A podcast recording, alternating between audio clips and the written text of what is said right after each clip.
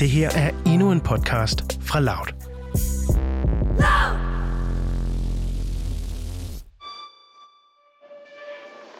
Her kommer der nyhed til nogle mennesker. De mennesker, der hader mig. Jeg stopper på TikTok, og det gør jeg den grund, fordi der er for, for meget hate. Jeg får at vide i kommentarfeltet, at jeg skal dø, og jeg er intet værd, og min familie gider mig ikke, min søn skal dø, og jeg skal dø, og bla bla bla.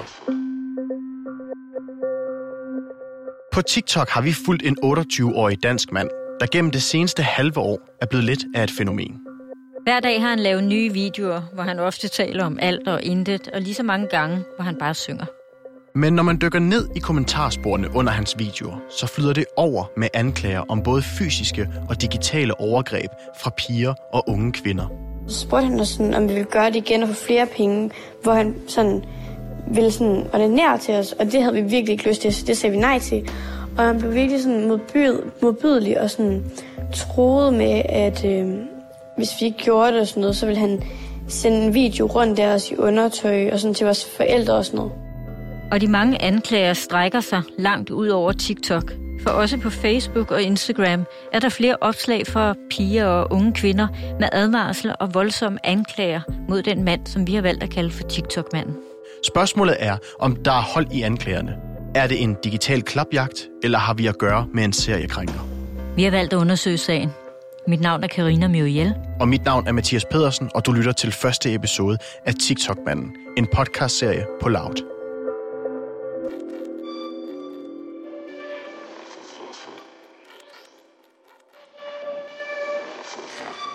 Yo man, velkommen tilbage til TikTok. Jeg er ikke blokeret længere. Nej, nej, nej, nej, nej. I kan ikke få mig. Og til alle mine fucking haters, så vil jeg ikke have Sut dem af. Karina, vi to vi har jo sammen fulgt TikTok-mandens aktiviteter på de sociale medier, og særligt på TikTok, men du har jo i virkeligheden fulgt ham i længere tid. Hvordan var det, du kom på sporet af ham? Jeg så ham på de sociale medier, eller rettere, jeg så ham omtalt på de sociale medier. Nogle talte om hans TikTok-profil, og andre valgte at lægge små historier ud med et billede af ham. Så jeg valgte at gå ind og følge ham på TikTok efterfølgende, og jamen, der har jeg jo været siden. Prøv lige at starte med at beskrive, hvad han er for en type. Jamen, han er, han er lille og spinkel. Jeg tror ikke, han er så høj. Charmerende er jeg overbevist om, nogen vil mene, han var. Så har han masser af tatoveringer. Han er ofte casual klædt, en t-shirt og jeans. Andre gange sidder han bare i bare overkrop, så man kan se hans navn, der står ligesom skrevet hen over hans bryst. Vi ved, at han har en lille søn, jeg tror han er tre år, som han også har lavet et par enkelte TikToks med. Vi ser ham ofte, når han er hjemme. Jeg tror, han bor i en lejlighed, som er en lille smule mørk, og så ved vi, at nogle gange kører han rundt i en bil. Det er faktisk det, vi ved om ham. Lige når man ser ham, lige når man observerer ham første gang, men efterhånden har vi jo lært ham bedre at kende. Ja, sådan umiddelbart, når jeg ser på hans TikTok, så har han jo en ganske normal adfærd. Altså, jeg kunne for eksempel ikke lade med at bemærke, at for eksempel så tagger han Fie Laursen og Josefine Simone i samtlige af sine videoer. Og det er jo to af de største influencer, vi har herhjemme. Men de bliver jo tagget på trods af, at de hverken er med i videoerne eller bliver omtalt i dem. Det kunne godt virke lidt som et trick til at få flere likes og views på hans videoer. Det er jo noget, man ofte gør når man gerne vil tiltrække en vis målgruppe, så finder man nogle hashtag, man ved, der er populære inden for, for lige den målgruppe, og jeg er da overbevist om, at både Fie og Josefine er meget populære hos de unge piger. Men grunden til, at vi startede med at følge ham, skyldes jo i høj grad hans kommentarspor. De er godt nok vilde, for der får han tæsk. Der, han bliver udråbt som pædofil, han får alle mulige anklager smidt efter sig om overgreb, om om trusler over for unge piger og unge kvinder. Altså alt i alt er hans kommentartråd virkelig en rå omgang. Det er helt vildt. Det er nok noget, som vil afholde mig fra de sociale medier, hvis det var mig, der modtog den type øh, kommentar i mit kommentarspor. Der står for eksempel ting som, Du er så fucking klam. Find nu en på din egen alder. Og så er der en anden, der skriver, Pædofile klamme mand. Når man er mod børn og kvinder, som du er, så skal man straffes. Og så er der en helt tredje, der skriver, Jeg er ked af det, men en eller anden dag bliver du slået ihjel, og du har selv bedt om det. Og der er mange flere af den type af kommentar, når man kigger igennem hans videoer. Da jeg startede med at følge ham, så tog jeg kontakt med Eva Fo, som jeg jo ved er eksperten nærmest på TikTok efterhånden. Og jeg ved, hun følger rigtig mange af de ting, der er trender derinde. Mit navn er Eva Fo. Jeg øh, er bedst kendt som digital pædagog. Det, jeg grundlæggende laver, det er, at jeg arbejder med børn, unge og teknologi på deres præmisser. Så jeg tog fat i hende for at høre, om hun havde mødt ham eller var stødt på ham derinde, og det var hun faktisk. Og hun var også begyndt at få en fornemmelse af, at der var et eller andet, der ikke helt var, som det skulle være. Det gjorde jeg, da en øh, af mine øh, unge TikTok-veninder, hun blev øh, opmærksom på en post. Så på Instagram var der en mand, der skældte ud. Hun tog sig over, og så pludselig kunne jeg jo se, hvad der var, der foregik derinde. Øh, jeg kunne se alle kommentarerne, der var i hendes feed, og jeg kunne se, at der var mange, der begyndte at sige, Nå, det er ham. Ah, Jamen, ham har vi set. Jamen, er det ikke... Og hans navn blev aldrig nævnt af hverken ham fra Instagram eller øh, min TikTok-veninde. Og så begyndte jeg jo at blive interesseret, fordi hvorfor var alle så på den her mand? Er det en, åh oh nej, nu skal vi forsøge at lave hype eller hate mod en eller anden, fordi det sker ret tit. Men den måde, det blev sagt på, den måde, det blev gjort på, og de fortællinger, der langsomt dukkede op, gjorde, at jeg blev mere end almindelig sådan nysgerrig og opdagede, at det skulle nok ikke for sjovt, det her. Hvad fortæller børnene dig om deres oplevelser? De er jo, øh, de er jo grænseoverskridende. De fleste af de historier, skal jeg sige, dem har jeg jo så fået gennem anden person. Nogle af dem har jeg fået gennem første person. De her ting, der bliver sagt, det er jo altså alt fra, jeg blev taget på og kysset på, til fuldbyrdig voldtægt med min veninde på forsædet. De her personer, eller de her piger, som kommer til dig og fortæller om sin personlige historie, det er jo meget alvorlige historier, og også meget alvorlige anklager. Tror du på dem?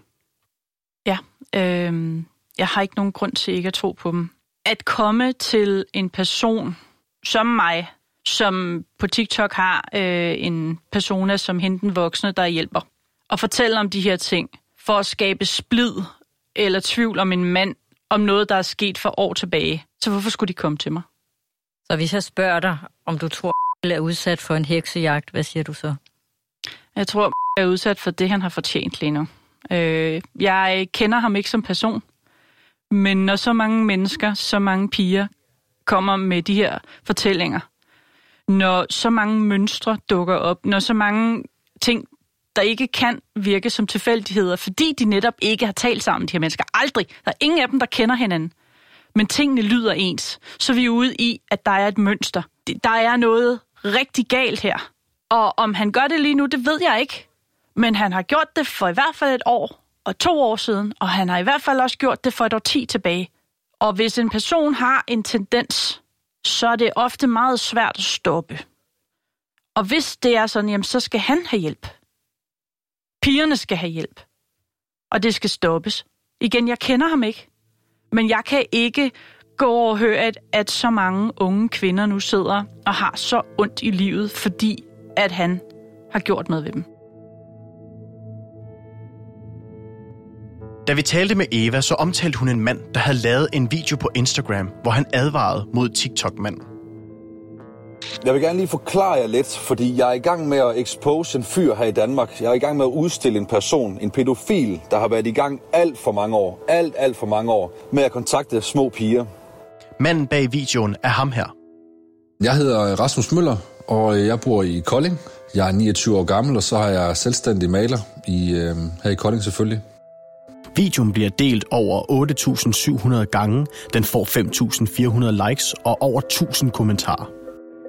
Men udover den video, som han deler på sine egne sociale medier, laver Rasmus Møller en video, hvor han opfordrer piger til at dele deres historie om TikTok-manden med ham. Den video bliver delt inde på flere lukkede pigegrupper på Facebook, og det gør han, fordi han bliver kontaktet af en pige, som beder ham om hjælp til at få spredt budskabet om TikTok-manden. Vi tog en snak med Rasmus Møller for at høre om den respons, som han fik på sine videoer. Altså, jeg bliver lidt harm, fordi at der er så mange historier med ham, at de historier, jeg hører ud fra de videoer, jeg laver, og bliver kontaktet af piger. Og der bliver jeg bare ham over måden, han, han krænker dem på, måden han kontakter dem, og, og omfanget af alder, aldersmæssigt, altså det går, det går lavt ned i, i alder op til, ikke også? Så øhm, Ja. Kan du forklare nogle af de situationer, der har været med de piger og, og kvinder? Hvad er det for nogle historier, du har fået? Han vil, øh, han vil gerne fortælle pigerne, at han har været model engang, og han, uh, han kan tage billeder af folk også. Og kan du ikke lige sende nogle billeder af dig selv, så kan jeg da se, om jeg skal tage nogle billeder, eller om du er god nok til, til modeller og alt det der. Og der er nogen, der har gjort det, øhm, så gud er det, de er. Og så er det jo der, at trussen de vælter ind, at han skal se mere. Hvis han ikke får lov at se mere, jamen, så har han det her, han kan, han kan presse dem med at, og sende det videre til familiemedlemmer og veninder, eller jamen øh, uden at kende til dem, jamen, så har han adressen på dem lige pludselig. Han kan bare møde op, og jeg ved godt, hvad havelåg du, du nummer, der står på, og ja, og jeg ved, der har været voldtægt. Øhm, hvor mange, det, det er jeg ikke rigtig helt sikker på. Men øh, voldtægt, det har der været, og overfald, det har der også været. Øhm, vold har der også været indblandet i det. Øhm, der er rigtig mange piger, der er frygtelig over at skulle fortælle den her historie til mig, fordi at de får minderne tilbage om ham. Det er, for, det, det er forfærdeligt at sidde og høre på, men man vil jo gerne hjælpe, og jeg nyder at, at hjælpe dem, men det, man kan godt mærke, at det tager lidt på en, at, at, at høre så mange ked af det piger, har gået det her igennem og skal leve med det resten af livet, det, det, det giver sgu lidt, synes jeg. Og jeg fik også beskeder fra hans øh, søster af. Hun skrev til mig, at, øh, at der florerede rigtig mange videoer angående, og hun har set min, og det var rigtig godt opråb. Men at der var mange, der havde besøgt hendes forældre og smadret havelåger og det ene eller andet, fordi at de var så sure over, at han gjorde de her ting og det. Som jeg så skriver til søsteren, at jeg er utrolig ked af at høre, at det går ud over dine forældre, da det ikke er noget med dem at gøre, og det ikke skal gå ud over dem. Men har sat sig i en situation, og øhm, der er folk, der er frustreret over, at han bliver ved med at gøre de her ting. Tror hun på det? Hun tror på det, ja. Det gør hun, fordi det er ikke første gang, hun hørte det. Vi har jo begge set screenshots, som vi har fået tilsendt fra Rasmus af, for flere af de her piger, der har henvendt sig til ham, og som har sagt ja til, at vi gerne må tale med dem efterfølgende. Så fik vi jo også lov til at se en besked fra TikToks-mandens søster til Rasmus, der jo som Rasmus siger, kender til historierne om hendes bror. Rasmus' video har jo virkelig været med til at få flere historier frem, hvor øhm, rigtig mange af dem er meget svære historier og, og jo også meget voldsomme anklager. Man kan jo nærmest sige, at, at Rasmus' video, den sætter simpelthen gang i en, en tsunami på de sociale medier. Altså det vælter jo ud med opslag på Facebook og Instagram for folk, som, som mener, at de har mødt ham på et tidspunkt også. Og hvis jeg bare må hive et eksempel frem her, så er der for eksempel en ung kvinde, der deler et billede af der skriver, Pas på jeres børn derude. Han er på spil igen, og han skriver til små piger. Han kontakter min datter på TikTok og andre små børn. Han stopper ikke. Han går primært efter piger på 8-10 år. Og så er der også en anden en, der skriver, den mand er bims. Han har holdt mig indespærret på et kollegie i København og troede med at snit i mig, hvis jeg sladrede. Heldigvis så kunne jeg forsvare mig selv, så han fik en flad og et los. Det, der også chokerer os mest her, er antallet af historier af den her karakter. Og det har været rigtig godt efterfølgende at fortalt med pigerne og de unge kvinder selv. Men jeg synes også, det har været lidt skræmmende, for det har jo været ved voldsomme historier, vi har fået genfortalt. Men en af de første historier, vi får kendskab til, den er jo helt tilbage fra sådan noget 2008-9 stykker, og det foregik på en platform, der hedder Speak. Ja, vi skal jo høre Mia Keller, der fortæller historien om, hvordan hendes kun 10-årige kusine mødte ham på Speak. Vi valgte at tage historien med, da det er jo lidt af samme fremgangsmåde, som vi hører fra andre unge kvinder og unge piger. Grundet personlige omstændigheder var det ikke muligt for os at mødes med Mia Keller, men hun har sendt os sin historie, som vi har fået en af vores kolleger til at indtale for os. Det var tilbage i 2008 cirka, måske 2009. Jeg var 14 år gammel dengang, og min kusine var 10 år. Jeg mødte ham på det, der engang hed Speaks. Hun var slet ikke gammel nok dengang, men hun havde den i smug. Han skrev til hende derinde, at han havde billeder af hende i badet. Og hvis han ikke skulle dele dem ud, skulle hun sende nøgenbilleder til ham. Han spurgte også, om hun var jomfru, og om han ikke skulle tilfredsstille hende. Jeg opdagede det ved et tilfælde, fordi der hele tiden tikkede beskeder ind på hendes mobil. Hun nåede ikke at sende ham noget. Heldigvis. Men nogle af de beskeder skulle bare ikke sendes til en pige på 10. Da Snapchat kom til, fandt han mig derinde, men jeg ignorerede ham. Nogle år efter så jeg ham i programmet, der hed Mig og min mor. Jeg kan huske, at jeg blev næsten kvalt i saftevand, fordi han var på skærmen. Han har jo været i gang i mange år, og er desværre kun blevet klammere. Omfanget af historier og anklager mod TikTok-manden er helt enormt. Men spørgsmålet er, om det er en digital klapjagt, eller om vi har at gøre med en seriekrænker, der har været aktiv i over 12 år. I næste episode skal du høre Christina, Lonnie og Lines historie. Han er farlig, fordi han udnytter mennesker. Han, han gør det, at han går ind og, hvad kan man sige, danner en eller anden form for et tillidsbånd med de her unge piger.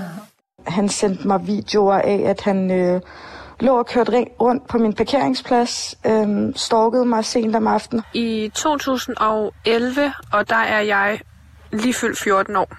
Og øh, her, der beder han mig om at, øh, at gå på MSN, hvor at jeg skal tænde mit webcam, og jeg skal så på det her webcam stå i undertøj, hvor jeg skal posere i forskellige vinkler.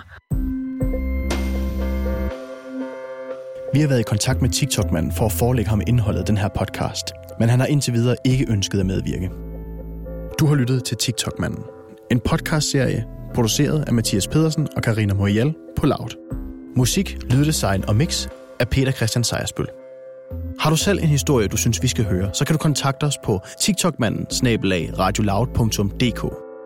Har du været udsat for krænkelser på nettet, så anbefaler vi, at du kontakter børnetelefonen på telefon 11 61 11. Har du været udsat for fysiske overgreb, så anbefaler vi, at du kontakter politiet.